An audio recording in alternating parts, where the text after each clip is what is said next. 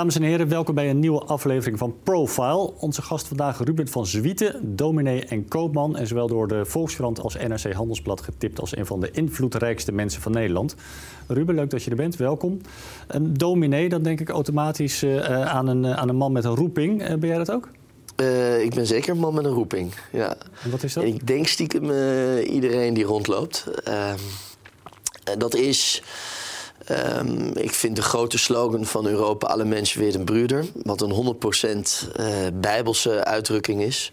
Dat, uh, dat is er eentje die mij op het lijf is geschreven. Hm. Ja, hij heeft een beetje een rare connotatie gekregen, hè, die spreuk. Maar bij, bijbelse spreuk. Uh, hartstikke bijbelse spreuk. En ik weet niet goed waar je op wijst. Uh, behalve dat misschien uh, feministen kunnen zeggen... en waar zijn dan de zusters? en dan zeg ik alle mensen weer een broeder, inclusief de Zwesten. maar sinds dat Macron president is geworden van Frankrijk... en met de negende symfonie van Beethoven op kwam lopen... en er nu toch ook hele mooie reflecties zijn in Europa... waarin zegt, ja, het gaat toch wel heel erg veel over vrijheid en gelijkheid. Maar is er nog iemand die het over broederschap heeft? Mm. Ja, en dat is jouw roeping om uh, die boodschap een beetje uh, in de mensen's hoofd te krijgen? Zeker. En uh, het is mij misschien gegeven om juist ook te bewegen daar waar geld en invloed samenkomt. En juist ook in de, in de economische hoek. Juist dit verhaal te mogen doorvertellen. Ja, want je hebt uh, zingevingscentra hè, uh, in Rotterdam en in Amsterdam op de Zuidas. Ja, dat is eigenlijk een plek waar het kapitalisme aanbeden wordt, zou je kunnen zeggen. Is er nou veel behoefte aan, aan wat, wat meer spirituele praat? Ja, absoluut. Kijk, uh, neem de Zuidas, omdat de Zuidas het mooiste symbool is in Nederland. Het is natuurlijk heel erg on-Nederlands uh, opgezet. Ja. Uh, het is alles behalve organisch gegroeid. ook een lelijke naam natuurlijk. de as aan de zuidkant. Nou, probeer dat maar eens in het Engels te vertalen. Lelijke plek ook eigenlijk. ieder, ieder cirkel ontbreekt. Dus alles is recht toe, recht aan. En in dat bestemmingsplan zijn ze niet eens op het idee gekomen om iets van ziel mee te nemen, zoals we dat noemen, iets van sociaal, cultureel, maatschappelijke bestemming. Mm. dus dat heeft dus ja, het private midden moeten zelf moeten doen. En dat heb ik dus met een stichting gedaan. Uh, eerst Zingeving Zuidas en later dus echt een fysieke plek gehuurd in de Vignoli-toren van een Duitse belegger. Die natuurlijk echt dacht van, uh, het zal mij een worst wezen of daar een stichting zit of iets anders. Dus uh, dit is de huurprijs en voor iedere euro meer iemand anders. Ja. En daar hebben we dus twee verdiepingen gehuurd in de Vignoli-toren. Dus waar ook Google zijn hoofdkantoor houdt hier in de Benelux. En, uh, en dat heet De Nieuwe Poort. Ja. En, wat gebeurt daar? Uh, dat is een, een restaurant, ehm, gekopieerd naar naar 15 van Jamie Oliver. Uh, het is een ontmoetingsplek, dus met een debatpodium, uh, met zalen waar oude verhalen worden gelezen. Van bijbelverhalen tot en met reflectie op de House of Cards, bij wijze van spreken. Het is een plek waar kunst wordt geëxposeerd van veel bedrijven die dat in de kelders hebben liggen. Maar waar we ook daklozen bijvoorbeeld een kunst laten exposeren. Het is een huis waar we op zoek gaan naar maatschappelijke oplossingen. Dus wij zijn niet de balie die zegt, nou dit is een thema, zo kun je voor zijn en zo kun je tegen zijn. Kies dan heden uw standpunt en alles bleef zoals het was. Wij gaan echt naar Chatham House Rules. Uh, dus dat het niet is toe te schrijven wie wat heeft gezegd. En ik durf te beweren dat, ook op mijn eigen titel... ik mensen bij elkaar kan brengen in de Kamer... die elkaar anders nooit zouden treffen. En dan in zo'n bibliotheek bij kaarslicht tijdens een diner passant hebben wij het over um, ja, hoe bijvoorbeeld de technologie straks de mens kan overnemen. Of hoe uh, de arbeidsmarkt anders ingericht moet worden voor de nieuwkomers die we hebben gekregen in Nederland. En dan is het wel heel fijn als mensen echt vrijheid kunnen uitspreken vanuit hun persoonlijke betrokkenheid. Uh, het beste willen voor de samenleving. Ja, nou, nou kom ik nog wel eens op de Zuidas en dan valt het mij op dat eigenlijk iedereen altijd haast heeft. Uh, terwijl je, uh, hè, als je aanmonstert op een plek als, als die van jou, moet je juist rust en, en tijd hebben. Uh, is het niet heel moeilijk om daar goede mensen bij elkaar te krijgen? Ja, ik, absoluut. Je hebt gelijk, want ehm, de Zuidas heeft nu ongeveer 60.000 mensen die daar, die daar werken. laten we eerlijk zijn, er werken heel veel mensen die gewoon daar aankomen en weer weggaan. niet zelden komen ze uit een compound van het Gooi bijvoorbeeld. komen daar met hun auto de Q-park inrijden en stijgen op in de lift en nemen ook weer diezelfde lift naar beneden. En als het wat mooier weer is, dan zie je ze over straat lopen met het gezicht niet opgeheven, maar starend naar de zwarte punten van hun schoenen. Hmm. En ehm, het is moeilijk om bij deze mensen de taal van de verbeelding aan te brengen. Maar ik denk, en ik, ik durf ook niet te beweren dat die mensen massaal uh, op zoek gaan naar reflectie tijdens hun werkuren. Maar we hebben wel een signaalfunctie. Doordat we zo fysiek aanwezig zijn met spreuken op. op uh, dus uh, logic will bring you from A to B, but imagination will bring you from A to everywhere. En, en, en de Zuidasser die dat wel ziet, staat meteen met zijn iPhone daar een fotootje van te maken. Of we hebben ook altijd het gedicht van de week. En dan, uh, die gaat niet zelden over liefde. En dan denk je toch wel eens, nou, deze linker hersenhelft maakt nu even een fotootje van dat gedicht om zijn vrouw toch ook weer iets zinnigs misschien vanavond te zeggen. Dus. Um, en het is, we worden gezien als een hele fijne plek met altijd live muziek van studenten van het conservatorium. Ze staan bekend als de hotellobbybar. Dus men weet, in die woestijn uh, is dit toch wel een hele mooie oase om daar um, even op adem te komen, om te vertragen. Ja, en, uh, en, ik kan me nog voorstellen dat sommige mensen bang zijn om binnen te stappen... omdat ze denken van ja, dan moet ik daar bekeerd weer uitkomen. Uh, is dat inderdaad ook een onderdeel van het plan? Uh, dat is altijd onderdeel van het plan. uh, nee, dat is echt dat is een heel failliet concept. En uh, dat is ook een buitengewoon onbijbels idee eigenlijk. om de simpele reden dat de indeling en de overgang van ongelovig naar gelovig in de traditie, in de pure traditie, helemaal niet voorkomt. We terug naar alle mensen weer een broeder. dat gaat dus over hoe kunnen we ervoor zorgen dat we als broeders en zusters in shalom, in vrede samenleven? Dat gaat dus niet over alle mensen weer een christen of alle mensen weer een gelovig. Dus die hele bekeringsdrang is eigenlijk de Bijbel vreemd. Ehm, je zou zelfs kunnen zeggen dat het een buitengewoon humanistische beweging is. En als predikant binnen de Protestantse Kerk in Nederland met een bijzondere opdracht. Uh, ga ik ook helemaal voor dit verhaal. Dus ik denk dat we ook in een mooi tijdperk leven van secularisatie. Uh, je ziet juist op de Zuidas best wel rechtsconservatieve, VVD-achtige types die dat inderdaad ook denken. Maar ja, als uh, de CEO van DSM en van Philips uh, zo'n plek belangrijk vinden en tussen de middag een preek in de lunchbreak houden, waar natuurlijk niks gelovigs aan zit, maar wat wel een overdenking is over business en over samenleving en over toekomst. Dan denken ze, hmm, misschien toch wel een goede plek. Ja. En dan wordt gewoon heel graag lekker gegeten en er wordt ook uh, hard gebold. Dus. Want even over die politiek. Ik heb me laten vertellen dat je goed bevriend bent met uh, Jesse Klaver, hè, de, de, man van GroenLinks. Uh, deel je ook zijn gedachtegoed als het op politiek aankomt? Uh, zeker, ik ga daar een heel, heel eind in mee. Uh, probeer zelf als, uh, als predikant zo lang mogelijk uh, politiek kleurloos te blijven. En als het om partijen gaat, dan voel ik me al langere tijd dakloos. Ik heb in ieder geval vrij weinig met de C in de politiek, met Christus op het vaandel. Ehm, iets doen, dat lijkt me buitengewoon onhandig. maar ik geloof wel dat we een verantwoordelijkheid moeten nemen uh, voor mensen die niet meekomen en die niet in gelijke mate hebben kunnen profiteren in de afgelopen decennia van die enorme welvaartsgroei. Mm -hmm. Waar vroeger Ford uh, natuurlijk heel veel mensen liet meegenieten met als het goed ging in de automotive. Zo uh, is het nu denk ik niet zo op het moment dat er een app wordt verkocht, uh, dat daar meerdere mensen nu van meegenieten. Dat zijn toch echt maar een view. En dus de middenklasse, en het is denk ik ook wel een verhaal, meneer, buiten Nederland. Want laten we wel zijn, we leven in Nederland, in het wassenaar van de wereld. Dus uh, buiten Nederland vind ik het gevoel voor ontwikkelingssamenwerking en voor een verplichting naar mensen die niet mee kunnen komen uh, ontzettend belangrijk. En daarin hebben we nog wel het een en ander uh, recht te trekken. Om die middenklasse die bijvoorbeeld naar Trump is gegaan, de kans te geven. Um, om niet.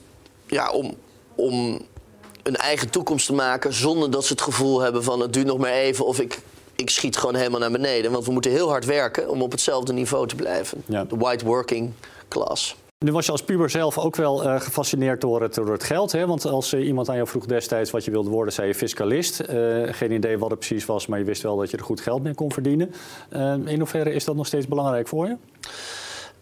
Um, ik zei dat in mijn puberteit. Um, en dat ging eraan vooraf dat ik daarvoor had gezegd dat ik dominee wilde worden. Maar als je in je puberteit zit, dan vind je geld verdienen een stuk belangrijker dan dominee worden. Omdat uh, dominee toch redelijk een koel is. um, en uh, ik had een neef, uh, wat wat oudere neef. En die, um, en die kwam aanrijden. En het ging hem duidelijk goed. En toen dacht ik, ik weet niet wat het precies inhoudt. Maar ik denk, denk dat ik dat ook wil. En ik denk dat ik ook inderdaad van beide wel heb gehouden. Met het grote bewustzijn dat geld altijd een middel is. Dus het is voor mij geen einddoel. En al helemaal niet om uh, om dat op zichzelf zeg maar, te vermeerderen zonder doelstelling. Mm. Uh, maar ik, uh, ik ben er wel van om, om ruim te leven. Um, en ik, ik vind ook dat niet dat het een taboe moet zijn, zoals kunstenaars wel eens doen: van nou mij maakt het helemaal niks uit. en dan wordt het dus heel erg interessant hoeveel is genoeg. En ik, ik, doe ook heel graag mee aan die filosofische vraag: hoeveel is genoeg? Mm. En uh, ja, probeert wel altijd zo te gebruiken uh, om niet in een overmaat te komen van verkwisting. Maar ik zou toch ook niet gierig willen leven. Hm. We gaan eventjes terug naar het eh, moment dat je, dat je koos voor eh, je studie theologie. Ehm, je was eigenlijk voor die tijd uh, nauwelijks in een kerk geweest. Hè? Dan is dat best wel een typische keuze, zou je denken. wat, wat, wat heeft je daartoe doen besluiten? Um, voor mij was het heel erg belangrijk uh, om de begrafenis van mijn grootouders achter elkaar mee te maken. Uh, dan kun je dus heel erg zien, zo conservatief is Nederland nog, bij rouwen, trouwen. En zeker in uh, rechtsconservatieve kringen wordt dan nog wel voor de kerk gekozen, want dat hoort erbij, want zo deed opa en oma het ook nog. En, uh, en, in mijn geval was het dus ook dat we dus kort achter elkaar vier keer in de kerk kwamen. En in ieder geval één keer ging het niet zozeer over het leven na dit leven, waar ik ook weinig mee heb als hierna nogmaals. Maar wel uh, met een relatie die ophoudt te bestaan en hoezeer dan ook iets van jezelf uh, sterft. En daarmee kreeg ik een fascinatie voor die kerk. En heb ik dus op mijn zevende genoemd dat ik dominee wilde worden. Maar zoals ik net vertelde, in de in de puberteit toch heel even gezegd dat ik iets anders leuker vond. en dan word je 18 en dan helpt die oudere broer in die splitsing tussen koopman en dominee toch ook mee te sturen. En ik denk dat ik ook niet theologie was, was gaan studeren als hij mij niet ook had laten zien dat als je doctorandus in de theologie bent, dat het ook nog goed met je kan komen doordat je iets anders kan gaan doen. Dat je bent veroordeeld tot predikant. Maar dat, nou, eh, misschien kennen we deze mensen nog. De oprichter van uitgeverij Balans. Of de CEO van Rabobank was Bert Heemskerk. Was een theoloog. En die had was een klein profieltje van. En toen dacht ik, nou, weet je, hou het open. Uh, en zo heb ik eigenlijk schakend, uh, zonder een enorm businessplan, een enorm van mijn leven een businessplan te maken, ben ik zo, uh, ja, toen ik 24 was en ik had mijn eigen studentenbedrijf, toen dacht ik, nou weet je wat, ik, uh, ik, kan, uh, ik kan het seminarium er beter nu bij doen. Dat is de beroepsopleiding. Want ja, weet je, je studeert geneeskunde, doe dan ook even kooschappen erachteraan. Als je toch bent bezig geweest, ja. Ja, en het Hebreeuws zit er nu nog in. En om dan straks weer als een soort midlife crisis figuur op je 45 weer helemaal dat Hebreeuws te moeten oppakken en zo. Als je het roer wil omgooien. Ik kan dat beter nu doen. Maar ja, dat was de tijd van de Blackberry. En uh, ik had dus mijn recruitmentbureau al. Ja. En uh, ik vond het niveau op het seminarium uh, dramatisch laag. Het, het, literaire benadering van de Bijbel was totaal afwezig. En ik denk ook dat dat het inhoudelijk viert is van zowel de protestantse kerk als van de katholieke kerk. Ehm, ik had maar één fascinatie tijdens mijn seminarium. En ik, ik was gewoon goed terechtgekomen waar ik stage was gaan lopen. Bij dominee van Nieuwpoort, dokter van Nieuwpoort, die toen in Amsterdam Oud-Zuid in de Thomaskerk predikant was nu in, uh, in jouw Bloemendaal. Ja. En, uh, en die zei, ja, weet je, we moeten terug naar dat verhaal. Uh, we moeten niet vragen mensen geloven, maar met welk verhaal leef je?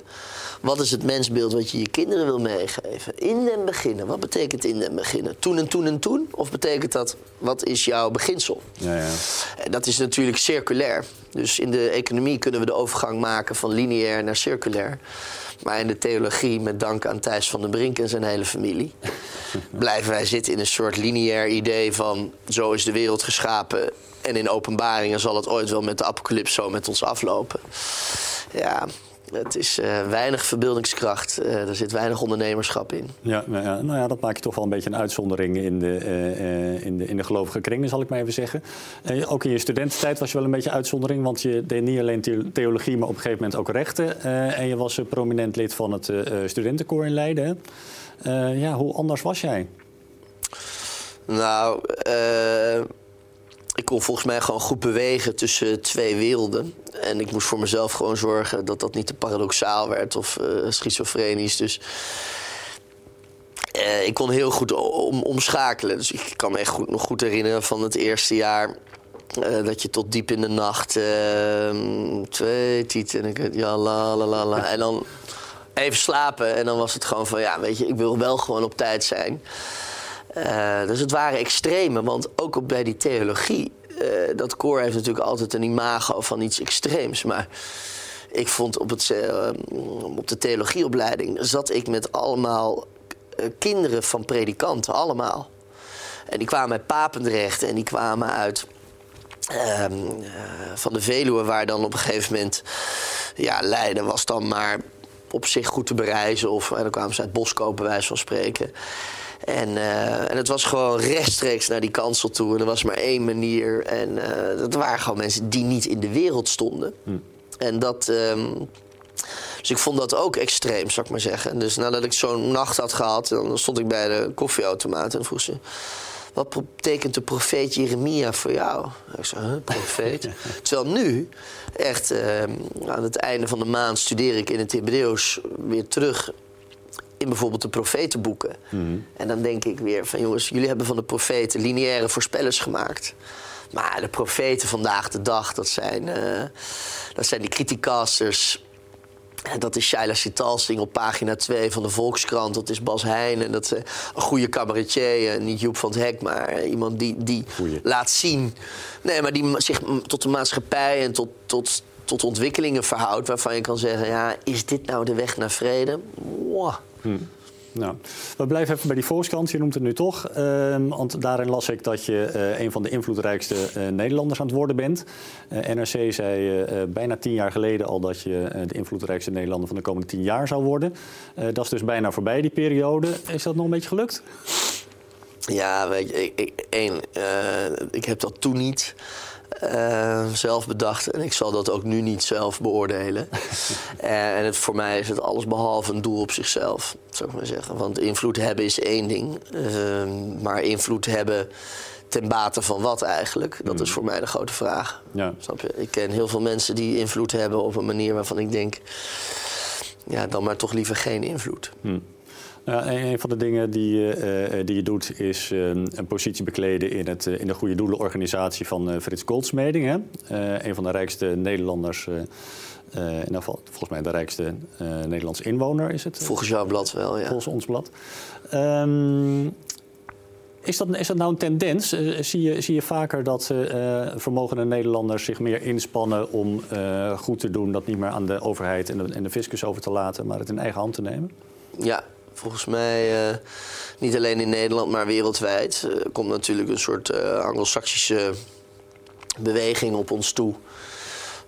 van families die met family offices dat vermogen hebben opgebouwd, die ook door de crisis heen toch die groei hebben kunnen laten zien.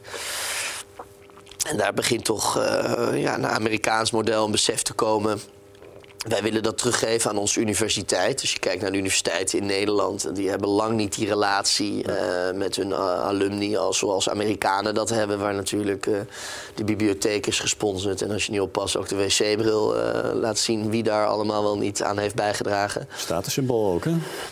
Ja, en, en, dat is dus meteen, je zegt het al, de keerzijde ervan. En een andere belangrijke keerzijde ervan is dat op het moment dat family foundations natuurlijk met elkaar eh, gaan bepalen wat goed is voor die samenleving, dan onttrekt zich dat aan de democratische controle. Ja. Dus uh, ik, ik, kijk heel graag series, omdat je daar alle bijbelse thema's in kan terugvinden. bijvoorbeeld in The Wire, die natuurlijk al wat ouder is uh, met nog piepers en zo. In The Wire is een fantastische ondertoon door, door al die reeksen in. Want het gaat over die drugsjeugd in Baltimore. Ja.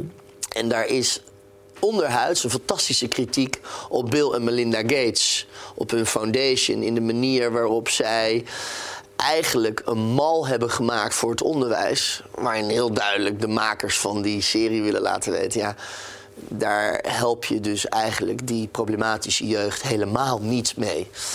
dat is geen persoonlijke aandacht, dat is niet het geven van liefde. Dat is gewoon weer, je moet rekenen leren, je moet dat leren.